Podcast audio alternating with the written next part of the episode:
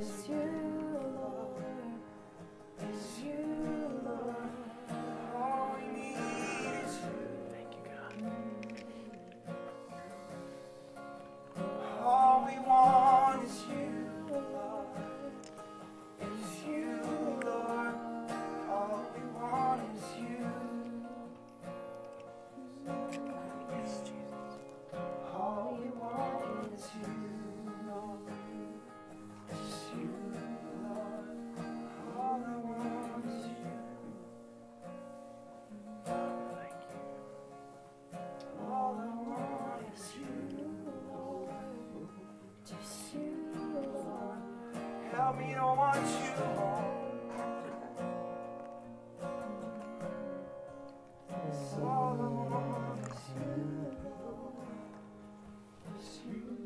Lord Jesus, Lord Jesus, we love you. And like that love that we can't comprehend, Lord, that overwhelming concept, God, Lord, we're overwhelmed by you, Lord, where we don't desire anything else. Lord, even though our flesh tries to do other things, Lord, our spirit man says inside of everything that with everything that we can, God, all we want is you. And Lord, as we open your word here in the next few moments, God, I, all we want is you. All we want is you. We want to see you in this story. We want to see you stir in our spirit. We want to see you stirring the kids upstairs. Lord, we want to see you refresh us, God. So, Lord, all we want is you in this moment. In Jesus' name, amen. um, uh, for those of you that don't know, we're in the middle of doing a, we do a, a, a year through the Bible together, and we're reading through the um, the life of Joseph, and Joseph experiences a lot of life, right? So much so that um, I'm gonna try to accomplish five chapters in Genesis today, but like Joseph's life is about eight to nine chapters in Genesis, and it spans and has a lot of things go on through it. But today, um, I really feel like our the stirring of the Lord is um, very similar to that song that we just sang. Our perspective on life is very different um, from what God's perspective is, and when we get moments where we line up with God's perspective, it's a good flow, right? It's a good flow in life. But but if you're like me, very rarely do I feel like I'm li- I'm seeing things from God's perspective. God has this unique perspective in each of our hearts to where we can't comprehend it. A sovereign God can have a plan for each one of us and be actively involved in each one of our lives and have an active promise going on for each one of us and be so in tune that every now and then we'll have a touch from the Father. Not that He's too busy, but He's an intimate God. And He'll sit down with us for a moment and encourage us because the path that we're walking on is one of promise. Amen. And I've been really like, I've gotten way too deep. Uh, Y'all that know me, I like, I ask Ann questions, and I've gotten to the moment when she's getting too busy, I start asking David questions. And so I asked David a question the other day, and I don't think we're anywhere close to understanding or comprehending this question. And I'm going to try to teach next week on the rest of Joseph's life if that's what the Lord will allow. Today I'm just going to kind of focus on a big first part of Joseph's life. But um, think of this for a moment. What's the difference between blessing and promise? A promise is something from the Lord that when we walk in obedience, He gives us a promise. Um, I use this as a very crude illustration or analogy. Your mom tells you not to run out in the street, it has a promise guaranteed with it. If you stay out of the street, you won't get hit by a car, right? So God, God has these rules. Life lived best this way inc- occurs these incredible promises. So when I talk about obedience, I'm not talking in a legalistic sense. I'm talking in a desire to live life how God intended it. Okay? And that is what true obedience is, is desire to live life how God intended. Why did God give the Ten Commandments? Because if we murdered each other, it wouldn't work. Life would not be lived out the best. If we tried to have multiple gods, it doesn't, it, trust me, it's not okay. You can live life wondering, right? If I start coveting my neighbor's car or house, it doesn't say car, but if I start, co- or wife, right? I really could screw things up, right? Life lived best in these circumstances and these rules, and they're more than rules, they're guidelines for promise. So watch. Abraham in Genesis 22 is just Abram at that point. Abram is given a promise. What's the promise? Come on, somebody. We just read it a couple weeks ago, or last week maybe. Your descendants will be more numerous than the stars in the sky. Yeah, more numerous than the stars in the skies. I love the city of Memphis. There are moments though where I long for the big sky of Texas. Anybody lived in the big sky of Texas and you know what I mean?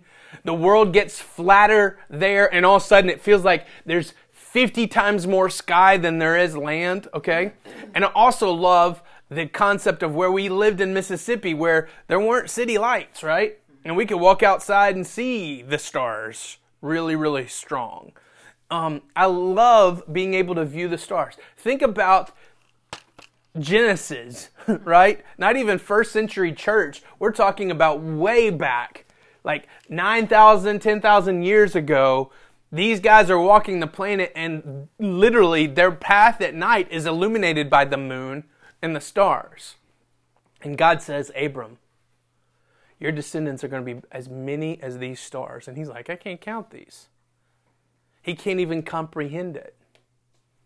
And we know from the seed of Abram, who becomes Abraham, we have two massive, massive groups of people Ishmael, go to the Middle East right now and comprehend the nation of Islam. And you have Isaac, Judaism and Christianity, right? Are, they are. They're more than the stars in the heavens, right? Watch. That promise, two generations in, does it feel like a reality? No, I know everybody's name, right? Like I know that's my cousin, right? Right? It's like Memphis. Oh yeah, he's my cousin, right? You know, like every- you know everybody, right? You know that your grandfather Abram like you you know his descendants and you're intimate with them. Like you know them intimately. That promise is not fulfilled. A great nation is just a family. It's like me looking at you and going hey guys salem memphis is going to be a great nation.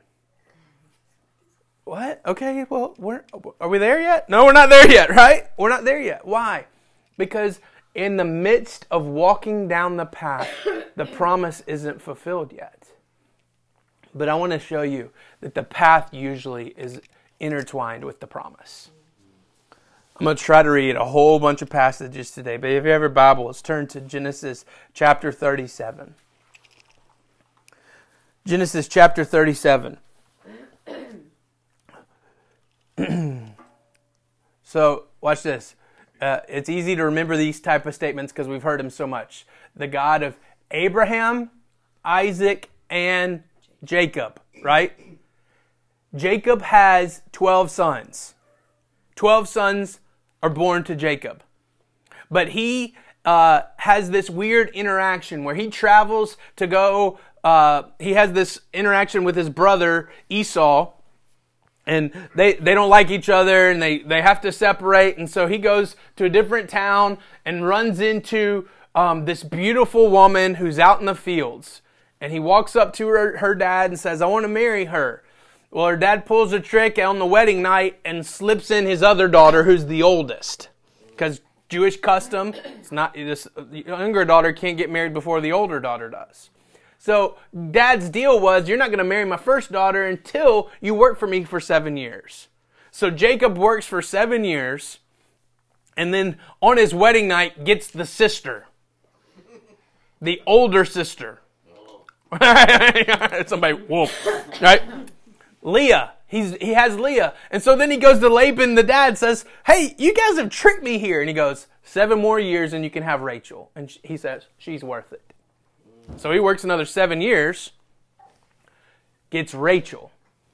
Both has two women now. Man, talk about life not being working like it should, right? He has two wives now, both sisters, Leah and Rachel. And Leah starts to produce and have babies, but Rachel cannot. So Rachel says, Have my handmaid. And Jacob has kids with the handmaid. Well, then Leah gets jealous and says, Have my handmaid. Jacob has kids with that handmaid. Then God says, You know what? I'm going to open Rachel's womb. And she has two more kids. The last two kids. And she dies giving birth to the last child, Benjamin. So the last two kids are the heartbeat of Jacob. Watch this. Jacob wanted Rachel the whole way through, and then life got Jerry Springer. Right? Crazy next level. And she's the last one to give birth to these last two kids, and she dies in childbirth with the last child, Benjamin. Joseph was the first born of Rachel. So let's read in verse or chapter 37 verse 1. Jacob lived in the land of his father's sojournings in the land of Canaan. He lived in a land as a nomad is basically what that's saying. He lived in the same region but as a nomad. These are the generations of Jacob. Joseph, being 17 years old, remember he's born of Rachel, was pasturing the flock of his brothers. He was a boy with the sons of Bilhah and Zilpah and his father's wives. And Joseph brought a bad report to them of them to their father. Now Israel, remember God renamed Jacob Israel. Now Israel loved Joseph more than any of his other sons because he was his son of his old age. What's the other reason why he loved Joseph more? He's the firstborn of his true love. And he made him a robe of many colors, right? Anybody seen the Broadway show? Probably has nothing to do with this biblical account, but anyways. but when his brothers saw their father loved him more than all his brothers, they hated him. Right? Stepbrothers. And they could not speak peacefully to him. Now Joseph had a dream, and he, when he was told, when he told it to his brothers, they hated him even more. He said to them, Hear this dream that I've dreamed. Behold, we were binding sheaves in the field, and behold, my sheaf ro- arose and stood upright, and behold, your sheaves gathered around and bowed before my sheaf. His brother said to him, Are you indeed to reign over us? Are you indeed to rule over us? So they hated him even more for his dreams and his words. But then he dreamed another dream, and he told it to his brothers and said, Behold, I have dreamed another dream. Behold, the sun and the moon and the eleven stars were bowing down to me. But when he had told this, told it to his father and to his brothers, his father rebuked him and said, What is this dream that you have dreamed? Shall I and your mother and your brothers indeed bow down, bow ourselves to the ground before you? And his brothers were jealous of him. But his father kept this saying in his mind. Then, verse 12. Get it, buddy. You want to get up here and teach too? Come on. Now his brothers went to pasture their father's flock in Shechem. Israel said to Joseph, Are you not. Are, are, your, are not your brothers pasturing the flock in Shechem? Come, I will send them to you. And he said to them, Here I am. So he said to him, Go now and see if all is well with your brothers in the flock, and bring me word. So he sent him from the valley of Hebron, and he came to Shechem. A man found him wandering the fields and asked, What are you seeking? I'm seeking my brothers. Tell me, please, where they are pasturing the flock. And the man said, They have gone away, for I heard them say, Let us go to Dothan. So Joseph went after his brothers and found them in Dothan. They saw him from afar and he came near, and they conspired to kill him. They said to one another, Come, here comes the, here comes the dreamer. Come now, let us throw him into one of these pits. Then we will say a fierce animal has devoured him, and we will see what be, will become of his dreams. But when Reuben, Reuben's the oldest of them all, when Reuben heard it, he rescued him out of their hands, saying, Let us not take his life. And Reuben said, Shed no blood, throw him in throw him into this pit here in the wilderness, but do not lay a hand on him, that he might rescue him out of their hands and restore him to his father. So when Joseph came to his brothers, they stripped him of his robe, of the many colors that he wore, and they took him and threw him into the pit, and the pit was empty with no water in it. First point this morning the pit in our lives, God uses to refine the gifts that He's given us. When we walk into pits in our lives, I mean, like it's the pits, literally. What's God doing? He's refining the gifts He's given. God, I I remember deeply. I was oddly enough 17 years old. No, I was older than that. I was I was thinking I was 17. I, we were about to get engaged. Um, I was like 21, 20, something like that. We got er- married early. When I was like about to graduate college, about to go to seminary, about to ask Anne to marry me. It's like this big, huge life road decision. It wasn't like I was second guessing, but I wanted to be someone who sought wisdom. So our pastor at the time, Dr. Rogers, we went. I went to him and set up a meeting and went and met with him. My dad was on staff and I had a unique relationship with him, and so I got to go meet with him for about 30 minutes. And I was, I was like, about to get engaged. I like I kind of just emotionally threw up. I'm about to get engaged. I'm, i want to go to seminary. And tell me what to do, you know, kind of thing. And he said, "Well, first off, Ryan, what's your calling?" And I said, "I'm called to student ministry, student evangelism, student discipleship." And he went, "No, you're not." And I went, "Okay." like yes, you're basically the Pope. Just tell me what to do. Like like that's like kind of my thought process. Like so what is my calling then? And stuck with me so much. a call to ministry is a call to serve. He said this Your talents and your abilities right now lie in student ministry. But God can change those, but He's never going to change the call to serve. Got it? you know, like, uh, like I, I will always remember that in this thought process God in seasons refines my gifts through tough things, but He never changes the calling to follow and serve Him. You see it? So, watch. Is God altering your life trajectory? Maybe. But what He's not altering is the life giver of that trajectory. You see it? God does, stirs things and puts us in the refiner's fire, puts us in the pit, so that, look, the dreamer, why did they hate him so much? A couple of things were out of his circumstance. His dad loved him more than anybody else. Well, that's not Joseph's fault. Joseph can't help that. But what you hear it just like I do when I'm reading it. What's Joseph thinking when he gets thrown in the pit? He's just I'm like, oh, great. I'm like, what did I do to deserve, to deserve this? Is he ask, asking the Lord, God, what are you doing here? But watch. You have a young man who's 17 years old sharing God given dreams about people worshiping him and bowing down maybe he needs his gift refined a little bit. Right? Why did he end up in the pit? Because God's gift He's given you is meant for a specific pathway.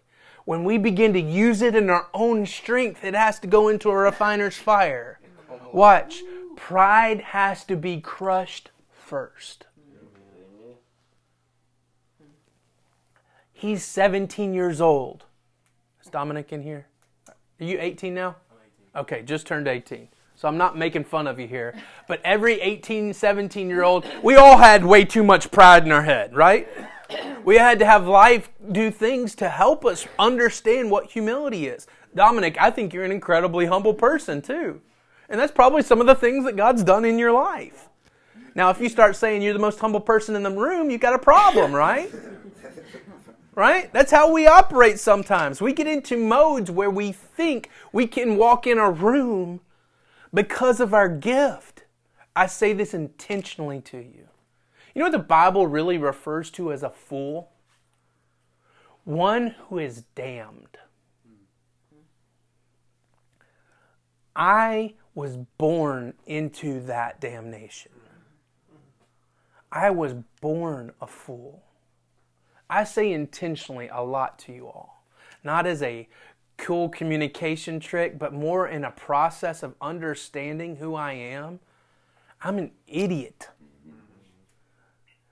I I don't understand scripture, but the but but to understand the key is to let the Holy Spirit illuminate. All of a sudden, it looks like I know what I'm talking about when I don't have a clue, y'all. I I can't be one who's been filled with things. I can only be filled by the Spirit. Amen. If I go try to attain the knowledge of Scripture, you'll you'll you'll know it you you you go uh, that doesn't I don't feel that doesn't resonate in my spirit. But for me to sit alone with the Father and say, God, what do you want here? So then think of pastor in a different way. Pastor's supposed to be the one who serves, the one who's not leading from the front, but who's from the back, equipping and encouraging and saying, Go get it. Watch. Joseph had to learn that by being thrown in the pit. What's his gift? What's Joseph's gift? We, later on in life, we discover this. What's his gift? Dream interpretation. Dream interpretation. Did he interpret his own dream? No, he's 17 years old. He's saying, I had a dream, guys, and y'all are going to worship me. Right? He doesn't have the gift refined. What, how does the gift get refined? By spending, all I need is you, Lord. There's no water in this pit. He's down in the bottom of the pit, wondering what's going to happen. Ever hit the bottom of the well? I tell people sometimes when we're encouraging and, and coaching through marriage stuff, you feel like the rug's been pulled out from underneath you. Guess what? It's just concrete under the rug. It's going to be uncomfortable for a little bit, but soon the Lord will bring back the comfort. God has to refine our gifts. So, watch. The pit that you're dealing with right now is going to be something that refines the gift in a more pure way. I love this. Why does Reuben not want to kill him? Reuben knows that God's favor is on Joseph. Reuben hears this is a dream and has enough wisdom to say, he's just dumb and misinterpreting or not even interpreting at all, just running his mouth. And has enough wisdom to say, let's not kill him. Watch. They sell him as a slave. Ishmaelites are coming by. So he gets out of the pit, but it doesn't get better. Hey, if I ever tell you that life's going to get better, you can slap me. If I ever say that life's going to get back to normal, you can slap me. Guess what normal is? The pit. Heaven is heaven. Earth is earth. Well, have a great Sunday, right? Like that's so discouraging, right? No, there's a God who sits in the pit with us. And he's the one refining the gifts. And guess what? The gift is not for Joseph. He's going to learn that later. The gift's not for him. The gift is for others. Verse or chapter 39. Let's skip ahead. They sell him to the slaves that are traveling and because of the crazy circumstances that looks like just happenstance, these Ishmaelites go to Midian. they end up going to Egypt, who end up selling them to Potiphar. Potiphar is basically uh, Pharaoh's number two in command. What did I say? Pharaoh. Oh, Potiphar. Isn't that what you're No, no. Potiphar is Pharaoh's number two in command. Yeah. So, watch. Point two. I love this. God uses our dumb mistakes to give greater capacity for his wisdom. We could probably go hours on testimonies with that. But watch. Now Joseph had been brought down to Egypt, and Potiphar, the off, an officer of Pharaoh, the captain of the guard, an Egyptian, had brought him, uh, bought him from the Ishmaelites who had brought him down there. The Lord was with Joseph, and he became a successful man. He's a slave, y'all. Listen. The Lord was with Joseph and he became a successful man and was in the house of his Egyptian master. His master saw the Lord was with him and the Lord caused that all that he did to succeed in his hands. So Joseph found favor in his sight and attended to him, and he made him overseer of the house and put him in charge of all that he had. Okay, a stranger, strange land, buys a slave and sees that Yahweh's hand is on him. Watch. Verse 5 From the time that he had made him overseer of all his house and all he had, the Lord blessed the Egyptian's house for Joseph's sake. The blessing of the Lord was on all that he had in house and field.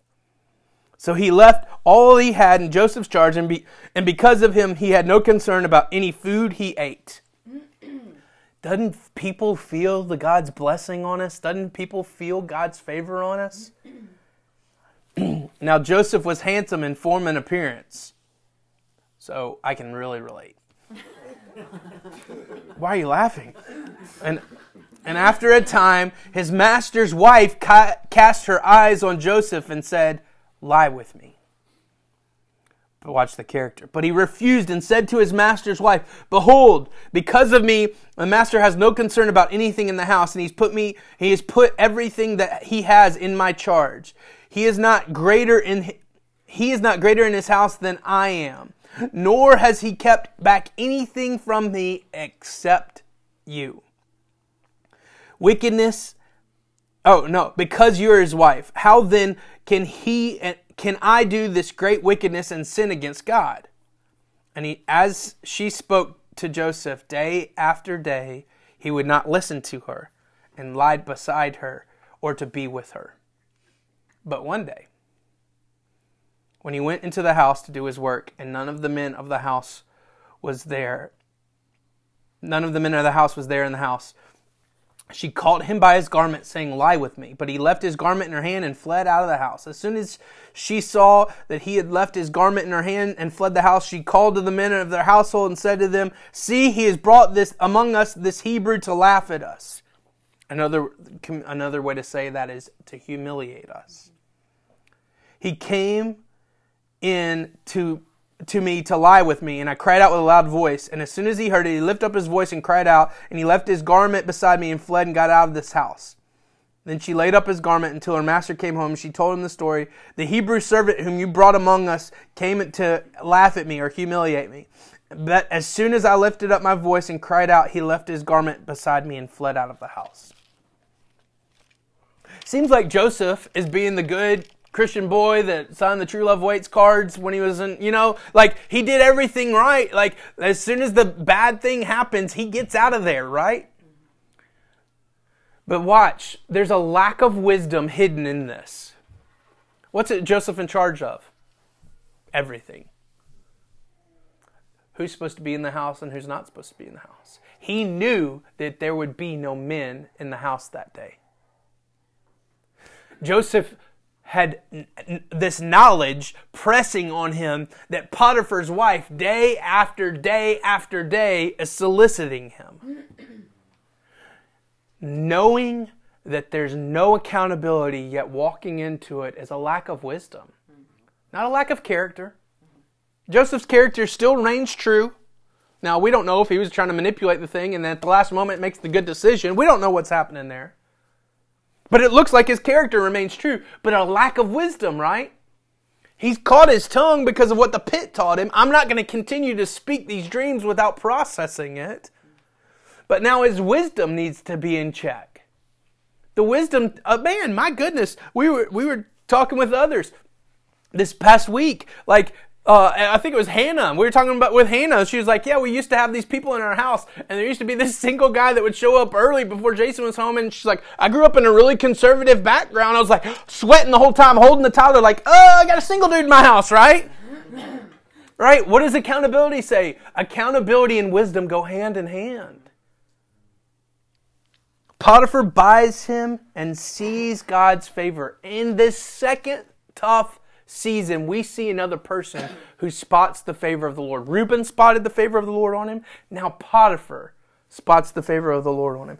Day after day, she solicits him.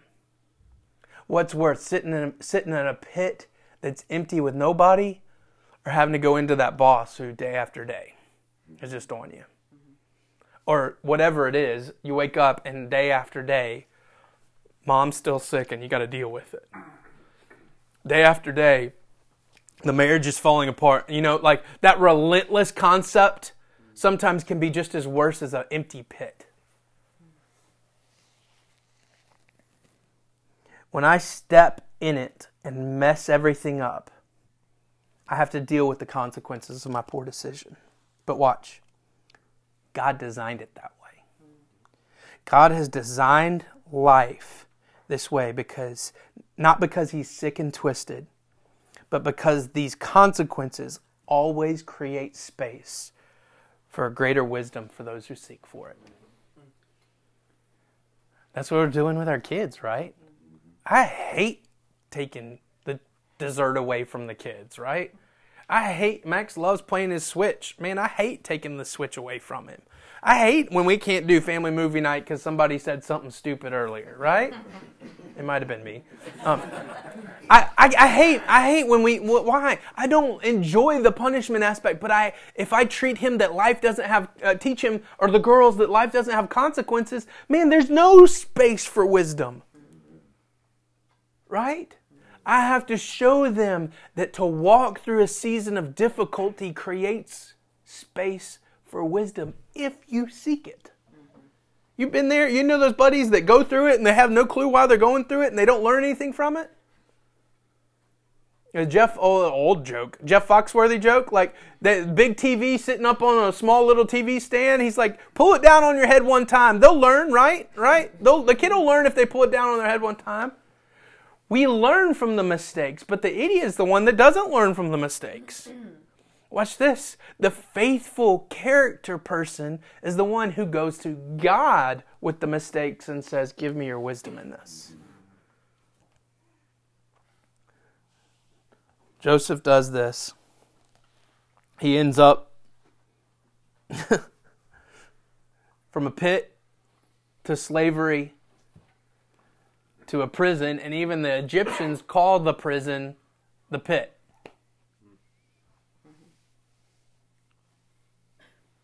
Think about this. It all started with that promise dream. What's Joseph's psyche? Where's God in this, right? God, maybe that was just a bad pizza that I ate when I had that dream.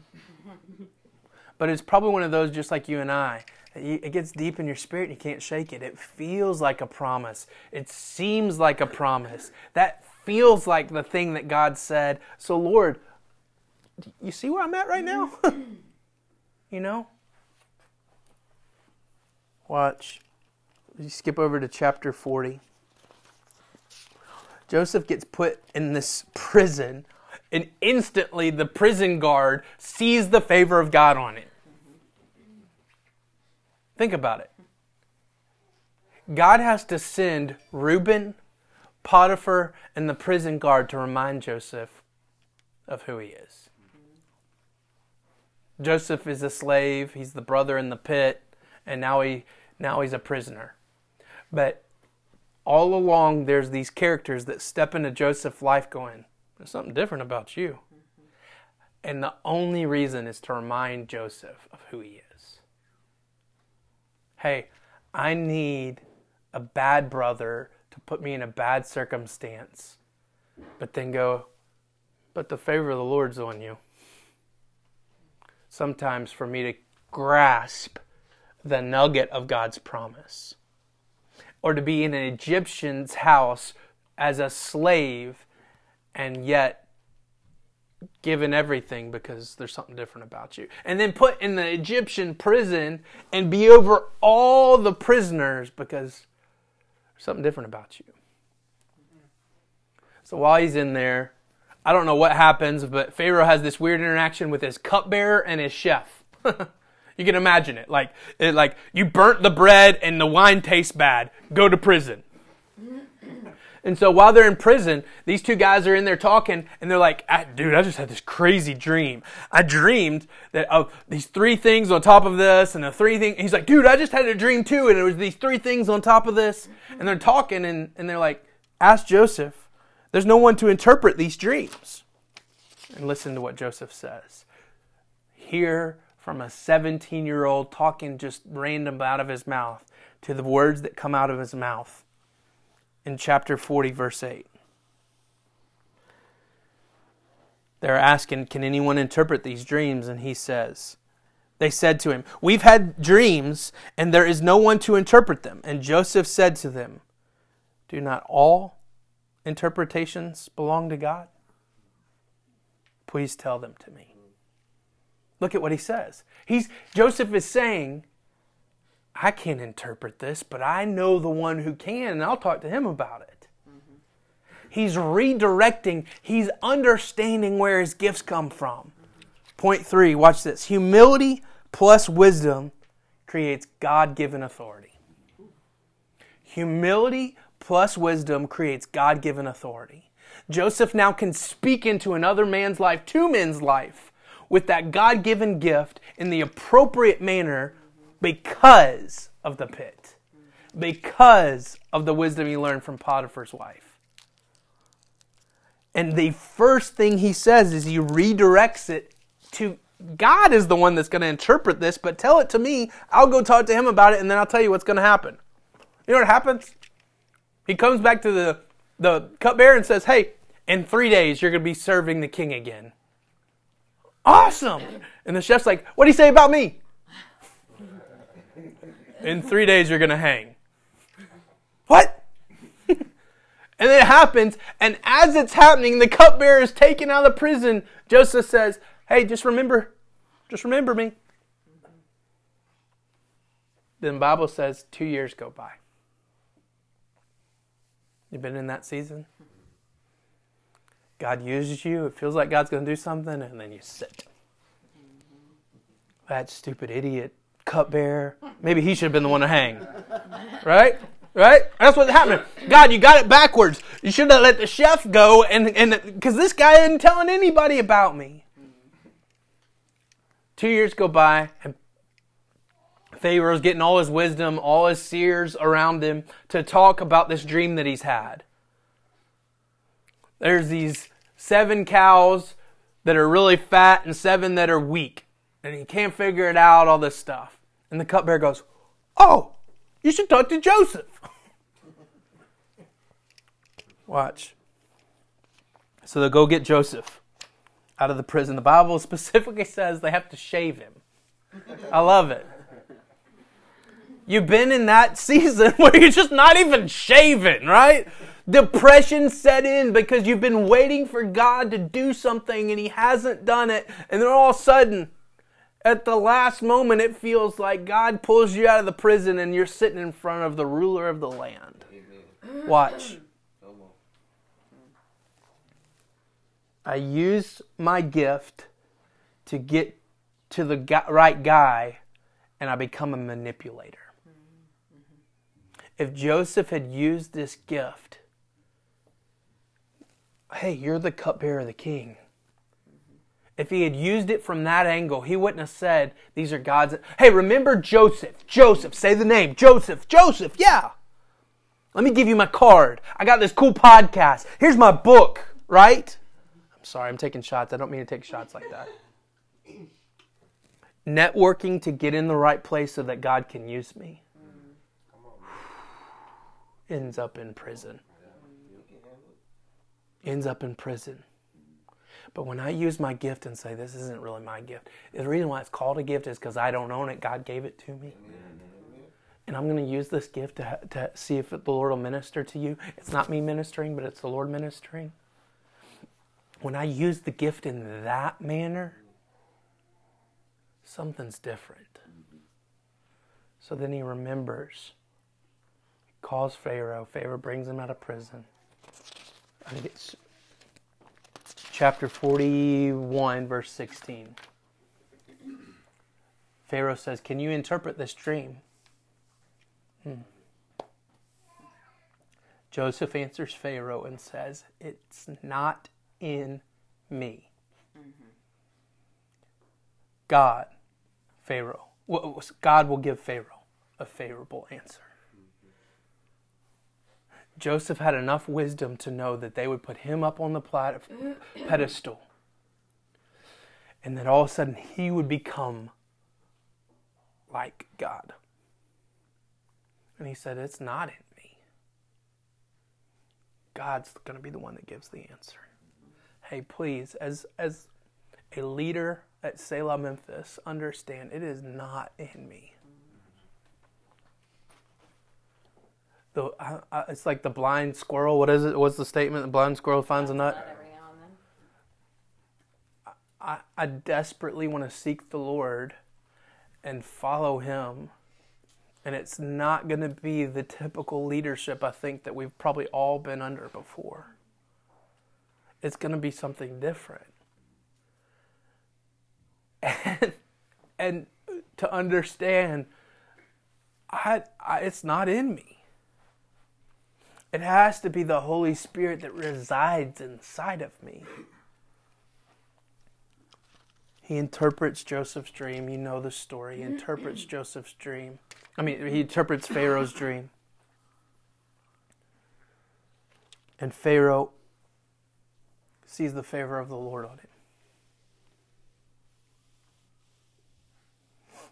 God has to bring me to a humble point so that he can use me with full authority.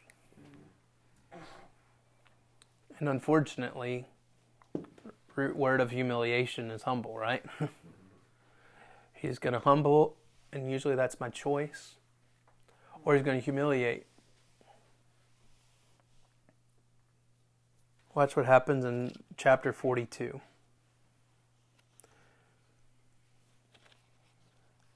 Joseph not only interprets the dream, but then comes up with a plan on what this means. Hey, basically, we're going to have seven years of great, great harvest. Lots of people have done research on what happened to Egypt in this point, but like an 800 fold, they think, of harvest for seven years.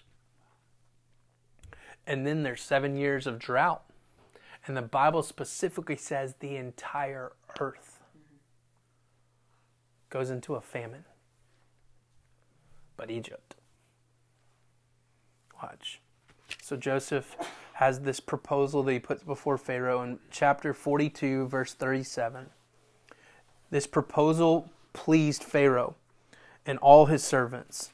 And Pharaoh said to his servants, Can we find a man like this in whom the Spirit, and he's using the word Yahweh at this point, Pharaoh, a pagan, using the word Yahweh, in whom the Spirit of God is?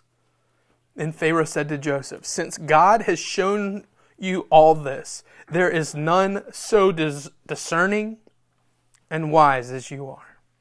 You shall be over my house, and all of my people shall be under themselves, or shall order themselves as you command. Only as regards to the throne will I be greater than you. Joseph, from a pit to slavery to prison to now in a foreign land, second in command, walking humbly before the Lord. Look at the promise of God. Did Joseph live a life of obedience or sacrifice? It was a life of obedience. Sacrifice is something that you choose. None of this was chosen by Joseph, right? He stubbed his toe a couple of times, but he didn't choose, hey guys, you know what? Just throw me in the pit, right? Or you know what? Sell me to these guys. You know what? No, I want to be a slave in Egypt and put me in the prison. He didn't say those things. It wasn't sacrifice, it was a life of obedience. He walked obeying the Father the whole way. We see later in the Old Testament that sacrifice brings God's blessing.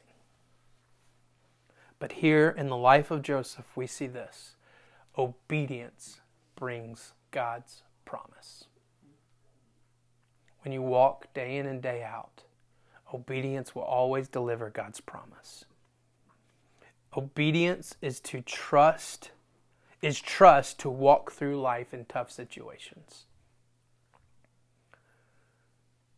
Sitting in the pit, but all I need is you, Lord. Being sold in a slave, okay, God, this this this sucks, but all I need is you, Lord. In Potiphar's house, uh, falsely accused, thrown into prison. Okay, God, all I need is you, Lord. To when he walks into seven years of plenty, he's still saying, This is good, but all I need is you, Lord. We'll see this next week. But the hardship that Joseph goes through ends up delivering on the promise that God gave Abraham. His brothers come back, and I'll share this with you next week. His brothers come back because they're about to die, literally. Literally about to die because they're running out of food. And they go to Egypt because they've heard Egypt has food. And who do they have to go talk to? Their brother. They don't know it's him. God put him in the pit and sold him into slavery and put him in Potiphar's house and put him in prison and then put him in second in command so that he could deliver on the promise and save God's people. You know what happens? These 12 men and their families moved to Egypt. After many years of things being great in Egypt and Pharaoh leadership turned over, what happens to the Jews? They become enslaved because they're living in Egypt. Fast forward to Moses. Moses delivers 1.4 million of this 12 tribe family. God's promise is inside the pit. God's promises inside the slavery, inside of Potiphar's house, inside the prison, and inside sitting right next to the throne. It's the path that He calls us on as a, one of obedience. Let's pray. Lord, all we need is you. And this morning, God, our desire is only you. So as we walk through a path that, that's filled with pits and filled with prisons and filled with junk that we're having to deal with, Lord, and it's relentless. It's the day in and day out. And Lord, we make mistakes and we say stupid things and don't have wisdom, God. Lord, Lord, we still seek you first. And God, we want to be ones that walk in obedience with you, walk faithfully with you, God. So, Lord, I pray refreshment over these families here. I pray refreshment over those that are out traveling for the long weekend, God. And a renewed sense of what you're doing in our midst. In Jesus' name, amen.